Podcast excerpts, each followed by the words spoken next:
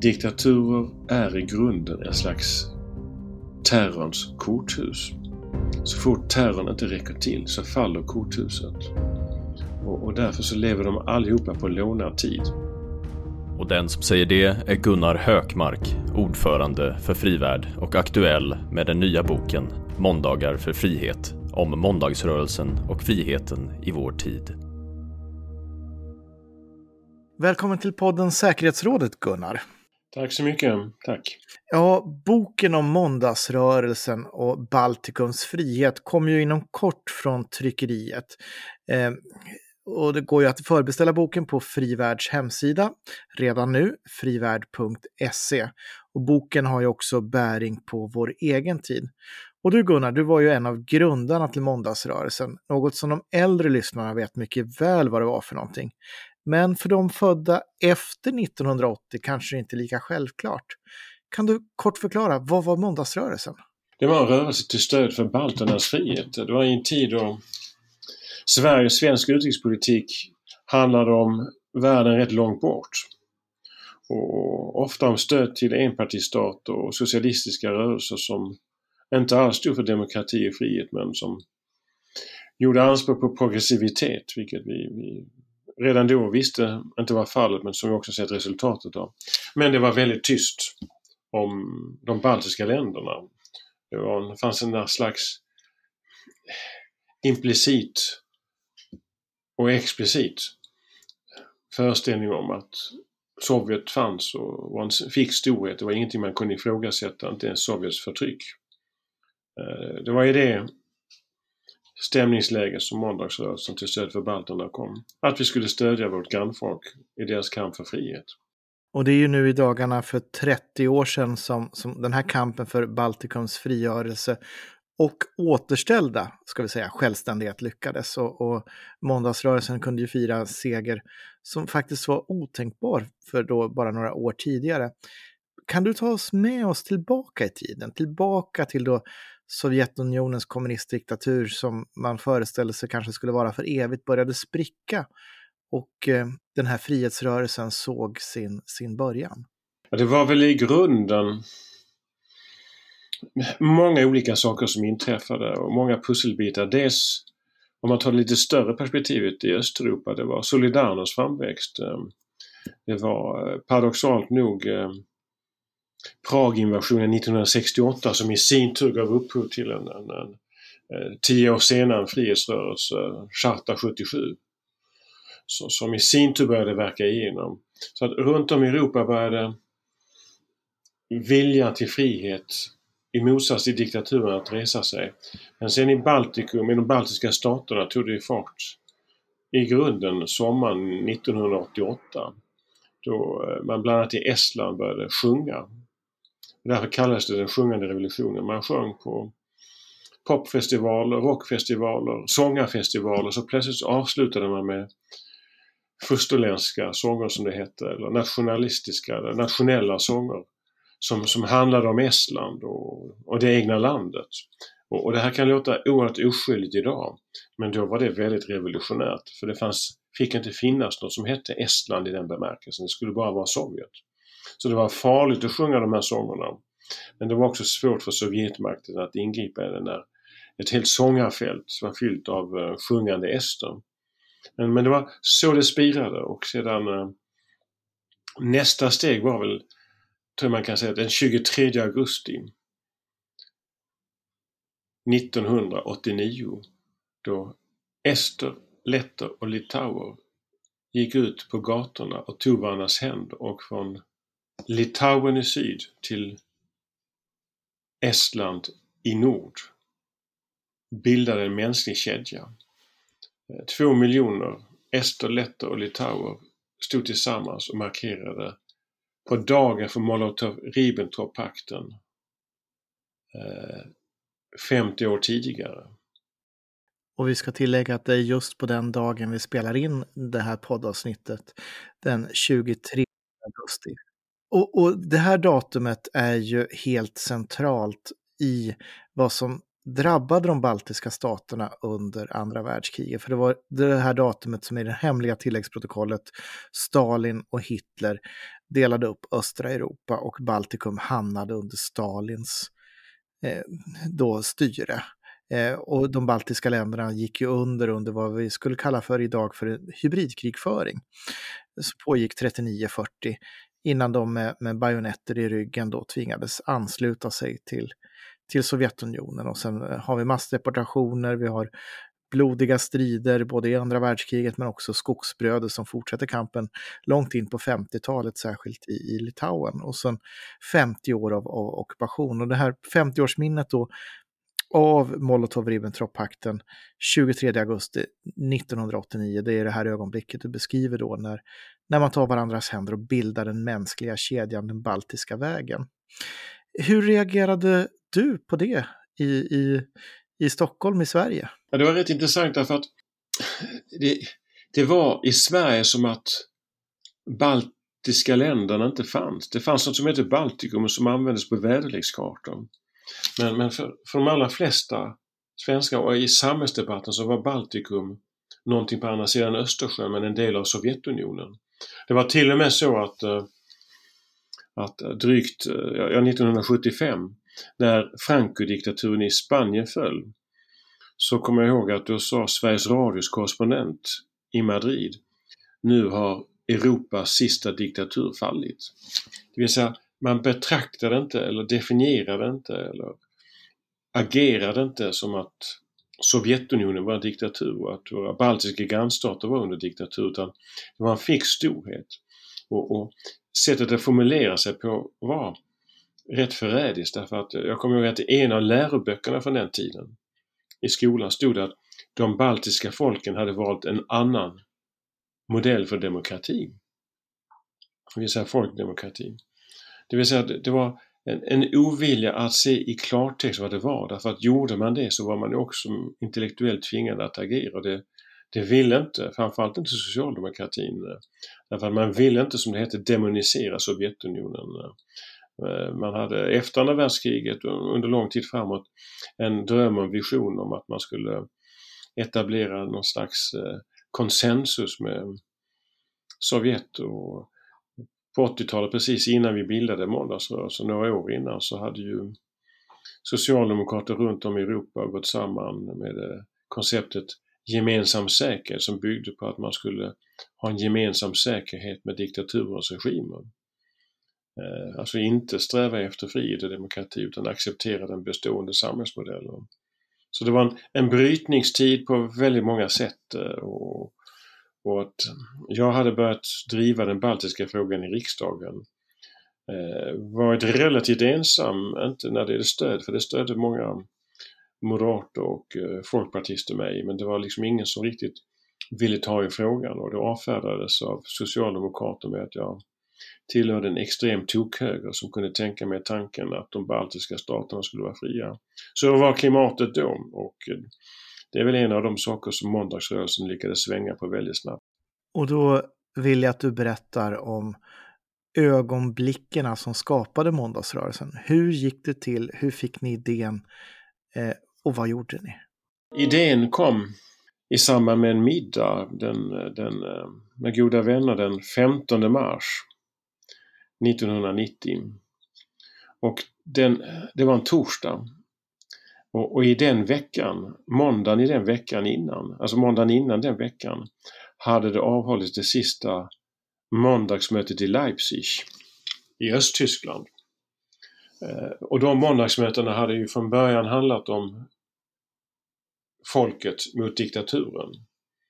Och, och, och, det bidrog till den östtyska diktaturens fall. Men sen efter murens fall och att diktaturen hade tvingats ge efter så, så drevs de också för att man skulle slutföra demokratiprocessen och för att man skulle slutföra möjligheterna till ett enat Tyskland. Och, och då var det någon som eh, sa vid den middagen att eh, det är konstigt att, eh, det skulle man ju kunna göra här, men det är ju konstigt att vi aldrig gör någonting till stöd för balterna. Och, och, och, och då sa jag, eh, ja, ja det, är, det är fruktansvärt. Vi sysslar med att stödja allting runt om i världen, men våra grannfolk stöder vi inte. Och, och, och då fanns idén om att eh, börja agera och att ha måndagsmöten i Stockholm. Och när jag gick hem den kvällen så tänkte jag Eh, nej jävlar, det är så många gånger vi har tänkt idéer och gjort.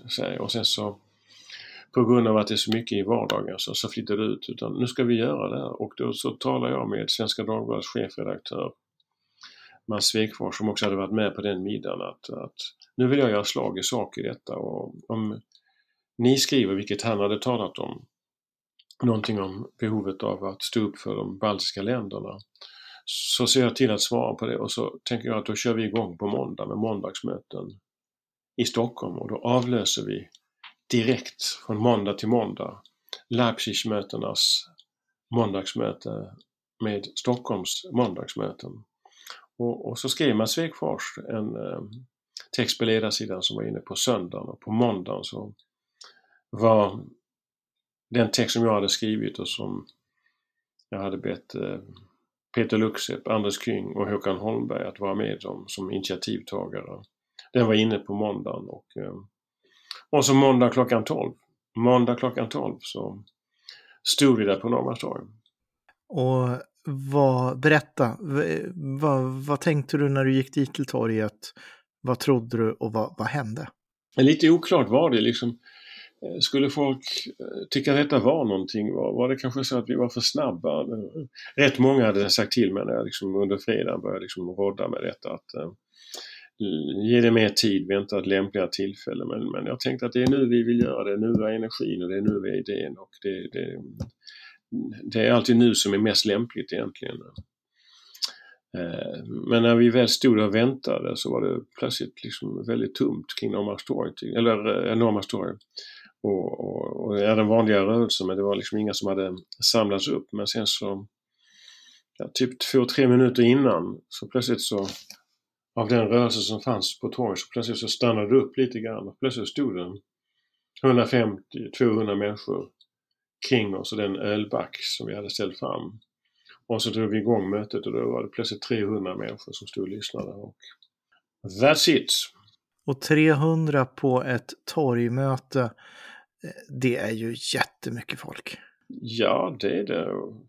Norrmalmstorg är stort men det märktes att det var någonting och så fler och fler samlades. Men, men det som väl var, var det stora det var att det var ju nästan ingen förberedelsetid vare sig från, från oss Eh, eller för de som skulle komma utan de hade ju sett det i tidningen på morgonen. Och sen så var det väl många att på lunchen passera förbi för att se om det skulle bli någonting. Eh, Anna kom dit och inte minst var det det finns en bild av att det var mest balter som stod där, så var det inte men det var många ester och letter och litauer som, som hade flytt som var där och som kanske var de allra mest återkommande. Och för dem var detta och mötena sen, eh, första gången de på något sätt fick ett erkännande för sin nationella identitet. Tidigare de alltid betraktats som flyktingar från Sovjet. Nu talar vi om ester, letter, litauer. Människor med en nationell identitet och en kultur bakom sig. Det var, av förklarliga skäl var väldigt många av dem, de som hade flytt var äldre och eh, det var, jag tror för många av dem, ja det var för mig befriande att se att de kände att detta var rätt och riktigt. Eh, och sen fick ju det här eh, snabbt bred spridning och bred förankring. Politiker från andra partier dök upp. Eh, berätta. Ja, alltså, du vet, alltså, poängen var att detta var inget politiskt arrangemang. Eller, jag, menar, jag var ju politiker, jag hade drivit frågan i riksdagen, men det var inte den kapaciteten. Ja. Alltså, vi, vi, vi, vi startade detta inte i någon annan kapacitet än i vår personliga. Vi hade ingen organisation bakom oss, vi hade inga som hjälpte oss. Utan vi bara drog igång.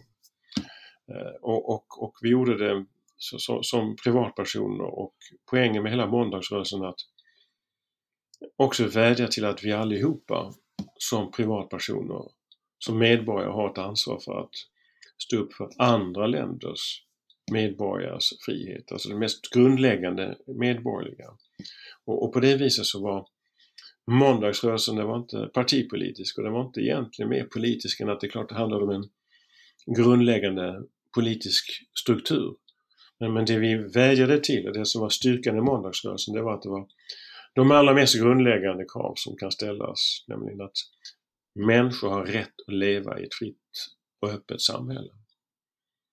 Och av det skälet så hade jag bett Peter Luxep som jag hade arbetat mycket med kring eh, de baltiska frågorna och som var estlandssvensk och som kunde ut i fingrarna. Han kände människor, han kunde vad som hände, följde väldigt noggrant.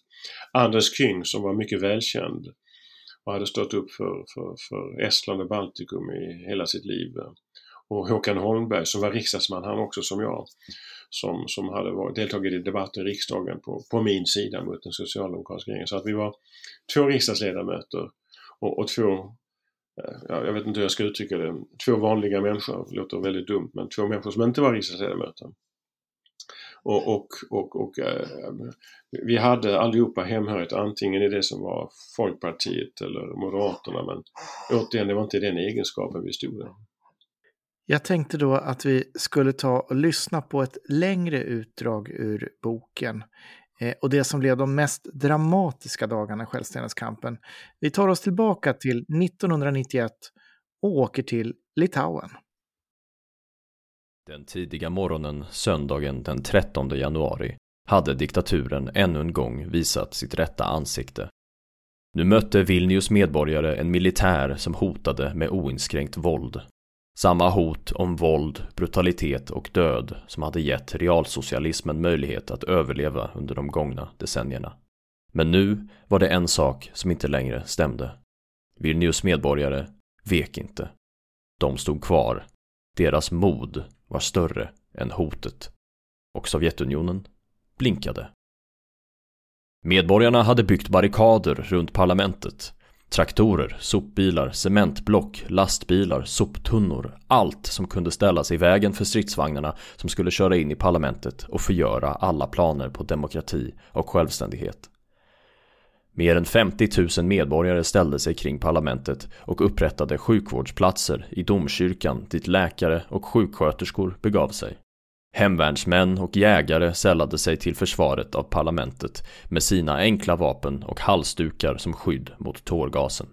Det var en manifestation av mod och medborgarskap.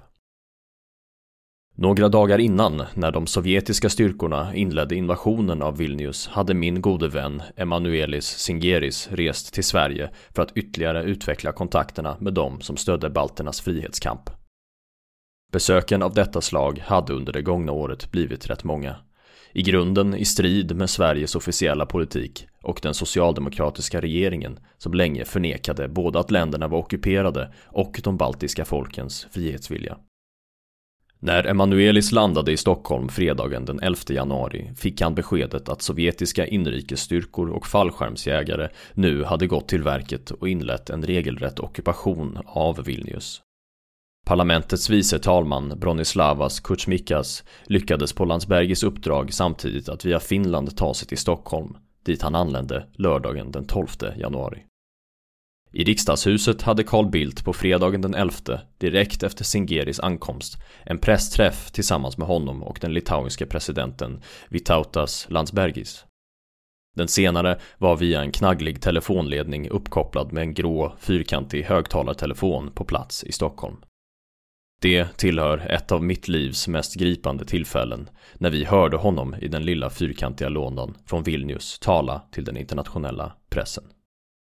Ja, det var ju en tid då historien stod och svängde, då den balanserade. Det, det kunde ha gått i vilken riktning som helst och eh, för mig var det den tydligaste upplevelsen någonsin att så nära följa ett skeende som kunde ha slutat väldigt illa. Det var, kunde lika väl ha gått som, som i Budapest 56 Prag 68 eller var som helst annan där Sovjetunionen slagit ner med grym och brutal makt eh, och, och dödat människor.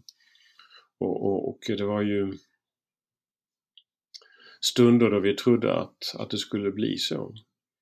Eh, Då vi trodde att eh, Sovjetmakten skulle eh, köra in stridsvagnarna och slå ner och skjuta, mörda, fängsla, deportera jag menar det, det låter väldigt konstigt men, men det hade inte varit konstigt om de gjort det.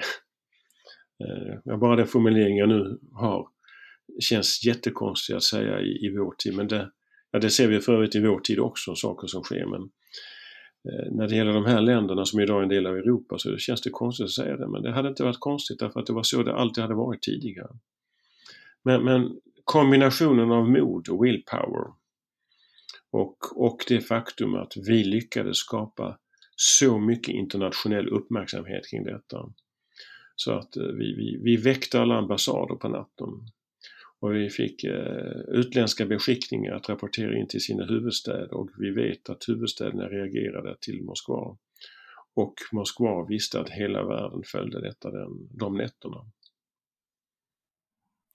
Och att omvärlden såg och markerade att man såg, det mm. hade betydelse. Ja, det hade betydelse därför att Sovjet var van vid att man eh, marscherade in, eh, körde över och sköt och, och sen så och, och, så pass många så att man knäckte motståndet. Va? Men, men nu, nu, blev det politiska priset blev för högt därför att Gorbatjovs Ryssland, eller Gorbatjovs Sovjetunionen, eh, och den tiden Sovjetunionen var i väldigt stort behov av eh, ekonomiskt stöd och öppningar mot väst. Eh, man var i mycket stort behov av eh, samarbete inom olika fronter, inom olika områden. Eh, därvidlag skiljer sig inte Ryssland eh, från det idag heller, för det är på något sätt ännu mer utrerat idag. Men det, det var väldigt viktigt för den sovjetiska ledningen att ha goda relationer med, eh, med omvärlden och med västvärlden. Och det som vi lyckades göra var att vi höjde det politiska priset och det ekonomiska priset gentemot de beslutsfattare som skulle gripa in. Samtidigt som litauerna och, och, och sen i nästa vecka eh, var det Riga och letterna var så pass modiga att de i så stora skaror ställde sig framför sina parlament. Så att det blev svårt för de militära beslutsfattarna på plats att gå till verket och de vågade inte och samtidigt så vågade inte politiker högre upp ta ansvaret. Det som var genomgående här som var väldigt intressant var ju att alla i den politiska ledningen i Moskva gjorde vad de kunde för att eh, skylla ifrån sig ansvaret för det som ändå hände. Man, eh, det var 14 människor som eh, dödades i Vilnius den 13 och den 14 januari 1991 och ännu fler som blev skadade. Men de var väldigt måna, ingen ville ta ansvar för det och det är ett uttryck för hur diktaturen var rädd för omvärlden. Och det måndagsmötet då, den 14 januari 1991, det blev också det största måndagsmötet. Ja, ja. Men mycket enorm mobilisering där på, på Norrmalmstorg. Mm. Vad minns du av det? Det jag egentligen minns det var den, den fantastiska känslan av att se att alla människor var där i sina egenskaper av medmänniskor och medborgare. Eh, jag kommer ihåg att dåvarande ÖB var där, han stod där civil. Eh, eh, där fanns präster och biskopar, det fanns riksdagsledamöter, politiker och partiledare för, för i grunden alla partier. Och, och det var näringslivs och företagsledare och alla, alla andra människor. Människor var där som, som, som medborgare och när jag stod på, vi hade då en lastbil eh, med ett rätt stort högtalarsystem för att kunna nå ut. Men när jag stod där och tittade ut över torg så var det fullt, men också fullt ut på tvärgatorna runt omkring. Så att, ehm, eh, det var mer än eh, 10 000 människor som stod där. Det var, en, eh, det var en spännande sak i sig att se men det var också fantastiskt att se att så många hade bestämt sig för att Nej, vi låter inte detta ske utan att vi visar att vi vet vad som händer och uttrycker vår avsky för det våld som brukas mot vårt grannfolk. Och eh, på andra sidan Östersjön då är då centralpersonen just de här dagarna det är ju då eh, president Vitatas Landsbergis, professor Landsbergis, Litauens stora frihetshjälte som, som är den då som, som leder det litauiska motståndet och, och hävda då det, det litauiska självständighetsrörelsen. Eh, men han, han drabbades ju också av Kremls desinformation, omfattande desinformation, även i Sverige. Hur, hur, hur pratade man om, om professor Landsbergis i Sverige vid den här tiden? Alltså vi hade ju träffat honom och vi visste ju vad han var. Han var en musikprofessor som hade eh, utbildat en lång rad av de ledande musikerna i, i de baltiska staterna och i, i Ryssland. Han hade lett verksamhet på, eh, på eh, musikkonservatoriet i, i, i, det som var Leningrad. Eh, och, ehm, och, och väldigt många var beredda att avfärda honom som en politisk amatör. Eh, och ehm, svenska journalister skrev rätt nedlåtande om honom och eh, även eh, svenska regeringen uttryckte sig nedlåtande om honom. Sten Andersson gjorde det och sa att han har inte alls stöd från litauerna och eh, han vet inte riktigt vad han talar om och så här kan man inte göra. Och, Sten Andersson då, den dåvarande utrikesministern. Och, och eh, samtidigt visste vi vilket brett stöd han hade i Litauen och jag kommer ihåg vid eh, ett, eh, ett tillfälle så hade Hannes King varit i Estland och han hade med sig en hälsning från Estlands president. Alltså i eh, estniska högsta sovjet som hade haft val och deklarerat sin självständighetsvilja och brutit med Moskva. Eh, dess president Arnold Rytel där han varnade för Moskvas desinformation om Landsbergis och förklarade att eh, man eh, i hela Baltikum stod bakom litauernas strävanden och att Moskva försökte desinformera om honom. Och, och, det blev till en väldigt viktig sak för oss att på torget inför alla journalister som fanns där och i grunden alla journalister följde, som följde de här frågorna var där då. Klargöra att eh, det är väldigt tydligt och uppenbart att Landsbergis har litauernas stöd. Det är också väldigt tydligt och uppenbart att det är självständighet de vill ha. Den, den svenska regeringen eh, bollar då ibland med att man bara vill ha kulturell självständighet eller det var få som, fåtal som vill ha självständighet. Och, eh, och, och, vi slog fast detta och kunde slå fast det och det satte sig också eh, tydligt och det skapade så att säga, vi så att säga, den svenska regeringen och, och, och det var en skamlig del i, i processen här medverkade till Moskvas desinformation mot Landsbergis. Men vi lyckades klargöra med transparens och tydlighet eh, att, att um, så är det inte. Han har det breda stödet och han har um, från hela Baltikum ett brett stöd och där var Arnold Rütels hälsning som framfördes via Anders King väldigt viktig och inte minst att Anders King själv sa att han som estnisk liberal tillhörde dem som visste att, man stod helt och hållet bakom Landsbergis. Professor Landsbergis fyller 89 år i höst eh, och jag hade den, den stora eh, nöjet och, och eh, möjligheten då att träffa honom för två år sedan i Vilnius för ett längre samtal. Och det är ju en fascinerande man som då jobbade dagligen på sitt kontor, 86 år gammal. Eh, och hade då kvar gnistrande intellekt och, och blicken, den, den var glittrande med, med humor och, och mm. skrattet i samtalet låg ju aldrig långt borta då. Eh, jag var där i sällskap då med Sveriges dåvarande ambassadör Maria Lundqvist. Eh, och från det samtalet så är det flera saker som jag, jag bär med mig som, som också har bäring på situationen idag. Som att stora krafter är i rörelse runt omkring oss. Eh, och jag citerar då vad, vad, vad Landsberger sa i samtalet. Vi måste ha förståelse för att frågan inte är avgjord än. Gamla imperier rymmer många imperialistiska drag och idéer. Det finns de, i Ryssland, som säger att deras mål är att återställa imperiet eller till och med utvidga det till hela Eurasien med centrum i Moskva. Den här traditionen tycks vara odödlig, olyckligtvis för Ryssland självt, men det är också farligt för grannar. Vi ser hur Kremls härskare hoppas att väst ska försvagas eller rent av falla så imperiet ska kunna utvidgas västerut igen. Vi är i den första linjen. Mm. Vad tänker du när du hör Landsbergis eh, säga det här?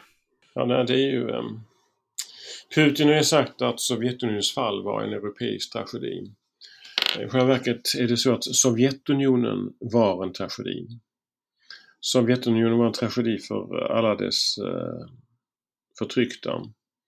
Men också för de som förtrycktes i omvärldens länder.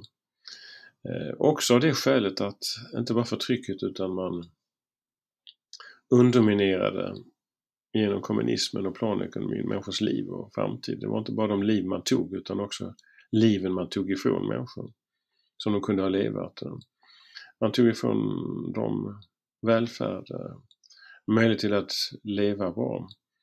Eh, jag visste det innan jag var där första gången men, men det var likväl när jag var i Tallinn första gången så var det för mig slående och deprimerande att se hur misskött ett mänskligt samhälle kunde vara. Gator, vägar, hus, lampor, belysning, värmesystem, allting var undermåligt. Och likväl så tvingades esterna slita och arbeta långt mycket mer än, än i Sverige. Nu har allt detta förändrats på, på, på bara 30 års tid och, och saker och ting är väldigt mycket bättre men eh, Putin har ju samma ambitioner gentemot omvärlden som väldigt många tidigare ryska och sovjetiska ledare har haft. Och eh, det finns bara ett sätt att hantera detta och det är att visa att vi, vi, vi, vi relativiserar inte, vi ser hotet och vi agerar mot hotet, vi står upp mot hotet. Vi måste bygga tröskeln så hög och då handlar det inte bara om militär försvarsförmåga utan det handlar också om förmåga att möta desinformation, eh, cyberkrigföring, eh, hotfullheter, aggressiva demonstrationer av militär kraft och väldigt mycket annat. Vi måste visa att vi står bakom litauerna. Och, och, i vår tid, eller just nu i dessa dagar ska jag säga, så är det extra viktigt därför att idag är Litauen utsatt för press och tryck från Belarus eh, med Putins stöd. Eh, både i form av att man försöker tvinga på och skapa en migrationsström från Syrien och Irak via Belarus och, och som man bussar över flyktingar till, till den litauiska gränsen. Men också på grund av en mängd andra hot som, som, som finns. Så det är väldigt viktigt att Sverige måste klargöra att Litauens sak är vår. Europeiska unionen måste klargöra att Litauens sak är vår därför att Litauens sak är vår. Och här har ju Litauen då med sin erfarenhet av att leva 50 år under ockupation tagit en väldigt, väldigt stark ställning för att stå upp och vara vänner till de som kämpar för frihet från postsovjetiska eller postkommunistiska diktaturer eller, eller faktiskt också de facto kommunistiska diktaturer. Eh, och vi, vi pratar om tillflyktsort för, för belarusiska frihetskämpar, eh, Ukrainas bästa vän eh, och stått upp då mot den ryska aggressionen, den illegala annekteringen av, av Krim, krigföringen i östra Ukraina, drivit på inom EU för sanktioner mot Ryssland och Belarus. Men som om det inte räcker så, så har ju då Litauen eh, står också upp mot Kina. Eh, där, där nu senast, där Kina försöker då klämma till Litauen samtidigt som Ryssland och Belarus ge sig på Litauen för att litauerna tillåter Taiwan ha ett representationskontor i landet under namnet Taiwan. Alltså det är ju en, en eh, det är ju ett litet land med, med, med, strax under tre miljoner invånare som står upp med en, en ryggrad som, som eh, eh, man nog bara kan drömma om i huvudstäder som, som eh, Berlin, Paris, eh, och, och Bryssel just nu. Nej, det är rätt och, och samtidigt är det så att ju, ju fler som står upp, ju mindre hotfullt är det. Och det är självfallet så att eh, Sverige borde ge litauerna sitt fulla stöd i denna fråga. Vi borde göra samma sak. Eh, Europeiska unionen borde agera lite likadant. Därför att då kan inte Kina längre göra på det viset. Om eh, jag, jag hävdar, och jag hävdar i den här boken som kommer, att kritik mot diktaturen måste bli det, det nya normala. Normaliteten måste ligga i att vi kritiserar, inte att vi ibland gör det när någonting särskilt händer, utan att vi klargör för diktaturens företrädare att vi hävdar alltid de universella mänskliga fri och rättigheter som finns förankrade i FNs Eh, gemensamma charter och som finns förankrade i Europeiska unionens grundläggande eh, strukturer. Vi gör det alltid. Därför att då blir det inte konstigt när vi gör det. Det konstiga är om vi tiger dag ett, dag två, dag tre och sen säger någonting. Men om vi varje dag klargör hur vi ser på förtrycket av människor, förföljelse av oliktänkande så är det någonting som diktaturen får förhålla sig till istället för att vi förhåller oss till deras aggression tillbaka när vi har kritiserat dem. Och det är ju viktigt med stöd eller eh, också hjälp till självhjälp som, som du nämner i boken. Jag tycker att det här fångas väldigt väl när du citerar Estlands förra president Thomas Henrik Ilves när han besöker 20-årsminnet av måndagsrörelsen då i, i Stockholm 2011. Eh, och då han pratar om måndagsrörelsens betydelse. Jag, jag citerar. Vi hämtade mycket kraft i det. Det var även ett mycket starkt tecken på solidaritet som omfattade både gräsrötter och ledande politiker. Det var uttryck för en gemenskapskänsla som man skulle kunna vilja se mycket mer av i dagens Europa. Måndagsmöten kan till viss grad även betraktas som självhjälp till svenskarna som onekligen har vunnit mycket på att få tre demokratiska länder till grannar. Mm. Så, så, är det och det är väl en sak som jag skulle vilja att vi idag är ännu mer varsamma och um, medvetna om.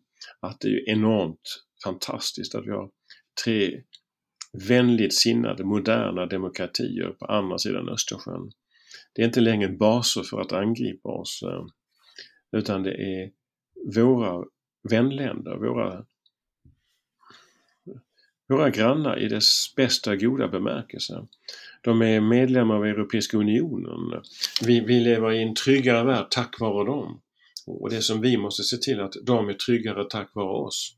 Det, det är för mig en väldigt, väldigt viktig del i, i NATO-debatten men det är också en väldigt viktig fråga om hur vi utvidgar och stärker Europeiska Unionens säkerhetspolitik men också gemensamma förhållningssätt till, till, till diktatur och till deras påtryckningspolitik mot, eh, mot, mot demokratier. Så att eh, världen, eh, vi, vi blir säkrare genom deras frihet. Eh, frihet ger säkerhet men just därför så måste vi också måna om deras säkerhet för att deras säkerhet är vår säkerhet. Nu har ju 30 år gått. Ni var fyra som grundade måndagsrörelsen. Peter Luxep, Håkan Holmberg, Andreas Kung och så du. Men det är ju bara du som är kvar eh, bland oss och kan minnas. Kan du berätta lite mer om dina medgrundare till måndagsrörelsen, de som inte idag kan berätta själva? Ja, det var eh, väldigt... Eh, det, är rätt intressant. Jag skriver i boken om motståndskämparna på andra sidan, en sak som slog mig. De var allihopa lugna och, och, och lågmälda människor. Det var inte bombastiska och de sysslade inte med bomber. De var, det var modets snarare än det, det, det revolutionära eller bombastiska. Eh, det var inte de stora orden utan det stora modet som präglade Landsbergis eh, eller Tune Kelam eller i Rumänien Laszlo Tökes och, och många andra. Och samma sak tror jag nog gäller. Eh, jag tänker på Håkan som var en lugn och eftertänksam person, väldigt intellektuell, väldigt tänkande.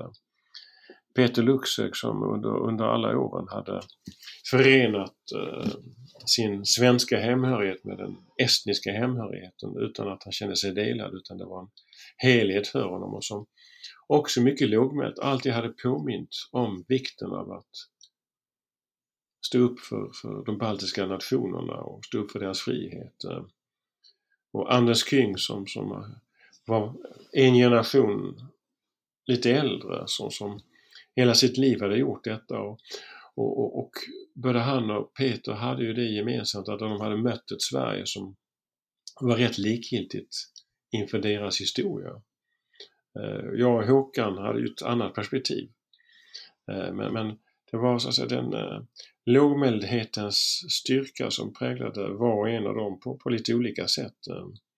Vi, vi hade, och det tror jag var en förutsättning för att, för att det skulle gå så bra att driva måndagsrörelsen. Alltså, vi hade alltid trevligt och roligt ihop. Och, eh, det slog mig när jag, när jag skrev boken att, att eh, jag kan inte påminna mig någon enda gång där vi liksom höll på att käbblade eh, käbbla eller bråka eller så att vi borde göra si eller så eller, eller, eller att um, eh, det var väldigt långt bort ifrån det utan vi var väldigt um, eh, inklusiva gentemot varandra. Tyckte Peter att vi skulle göra någonting så gjorde vi det och tyckte Håkan det så gjorde vi det och Anders det och, och om jag tryckte på för någonting annat så, så, så, så vi, vi adderade uppfattningar och vi adderade aktiviteter snarare än så här, det ska vi göra, det ska vi inte göra. Utan vi, vi, vi, vi var väldigt um, inkluderande mot varandras tankar. Det underlättade att vi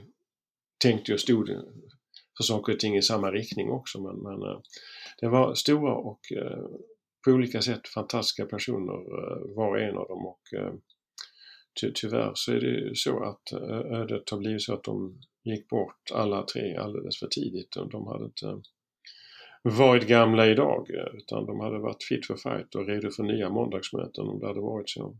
Och nya måndagsmöten är ju någonting som vi kan behöva ha i vår egen tid där friheten prövas i land efter land eh, just nu. Mm.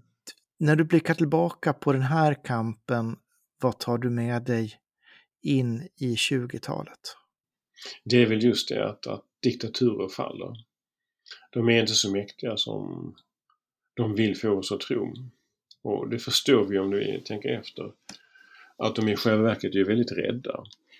Jag menar att, att eh, Putin slår ner mot demonstrationer med unga studenter ehm, eller pensionärer på, på Röda torget. Det är ett uttryck för svaghet. Att eh, Lukasjenko är så rädd för att eh, människor demonstrerar. Ett uttryck för att han vet ju att han faller så fort folket säger sitt. Och det gäller även i Kina som är som i vår tid tycker är så enormt stort och enormt mäktigt. Men Xi är ju beroende av att hundratals människor under honom håller med honom. Och han är beroende av att människor i Shanghai, Beijing eller Wuhan inte börjar resa sig upp på samma sätt som man gjorde i Hongkong. Han är ju rädd för dem. Och, och det tycker jag är en viktig sak för oss att komma ihåg att diktaturer är i grunden en slags terrorns korthus. Så fort terrorn inte räcker till så faller korthuset. Och, och därför så lever de allihopa på lånad tid. Och det är det faktum att de vet det som gör att de lever i ständig rädsla. Tack Gunnar Hökmark. Boken om måndagsrörelsen kommer ut inom kort.